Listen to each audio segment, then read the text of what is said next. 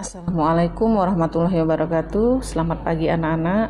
Salam sehat, salam bahagia selalu. Semoga kita dalam lindungan Allah Subhanahu wa taala.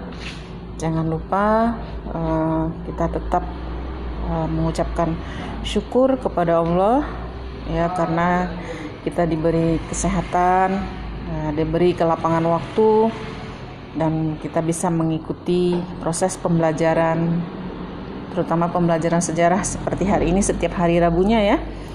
Nah, anak-anak sekalian, jangan lupa nanti absennya diisi ya. Nah, kemudian uh, materi kita hari ini adalah tentang ancaman desintegrasi ya. Desintegrasi terhadap uh, kemerdekaan Indonesia.